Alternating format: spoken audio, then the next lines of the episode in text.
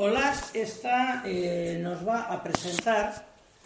un, taller sobre violencias machistas y racistas desde la memoria corporal, en la búsqueda de, vías de sanación y liberación. Junto con ella van a estar dos compañeras más. Olat es profesora antropóloga, entonces ya te dejo y les dices tú un poquito lo que vamos a hacer. Bueno, eh, las otras ponentes son Jenny, eh, que es una mujer colombiana experta en ciencias de la salud y el deporte,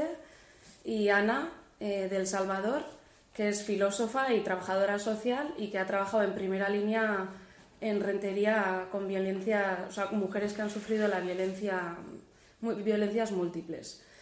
Eh, vamos a trabajar, bueno, organiza, como ha dicho, Biasaldeco el Carte Feminista en colaboración con Sugar and Spice, en Irún un poco ante la diversidad cada vez más amplia que, que hay en la ciudad y un poco para tender puentes porque, bueno, con las complejidades en Irún hay más de 160 nacionalidades, con las complejidades que conlleva cada uno, empezando desde los euskaldunes, eh, las relaciones históricas de, mm, de superioridad, eh, etcétera, ¿no? Entonces, eh,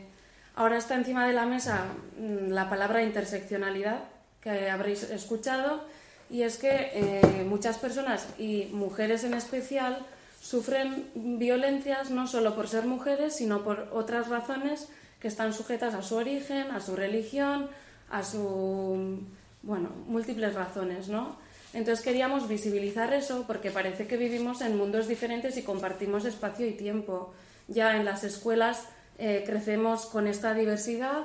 y no podemos mirar para otro lado. Eh, queremos sensibilizar sobre este tema y para eso eh, creemos que la- el cuerpo, bueno, me viene muy bien lo que ha dicho ella, aunque nos parece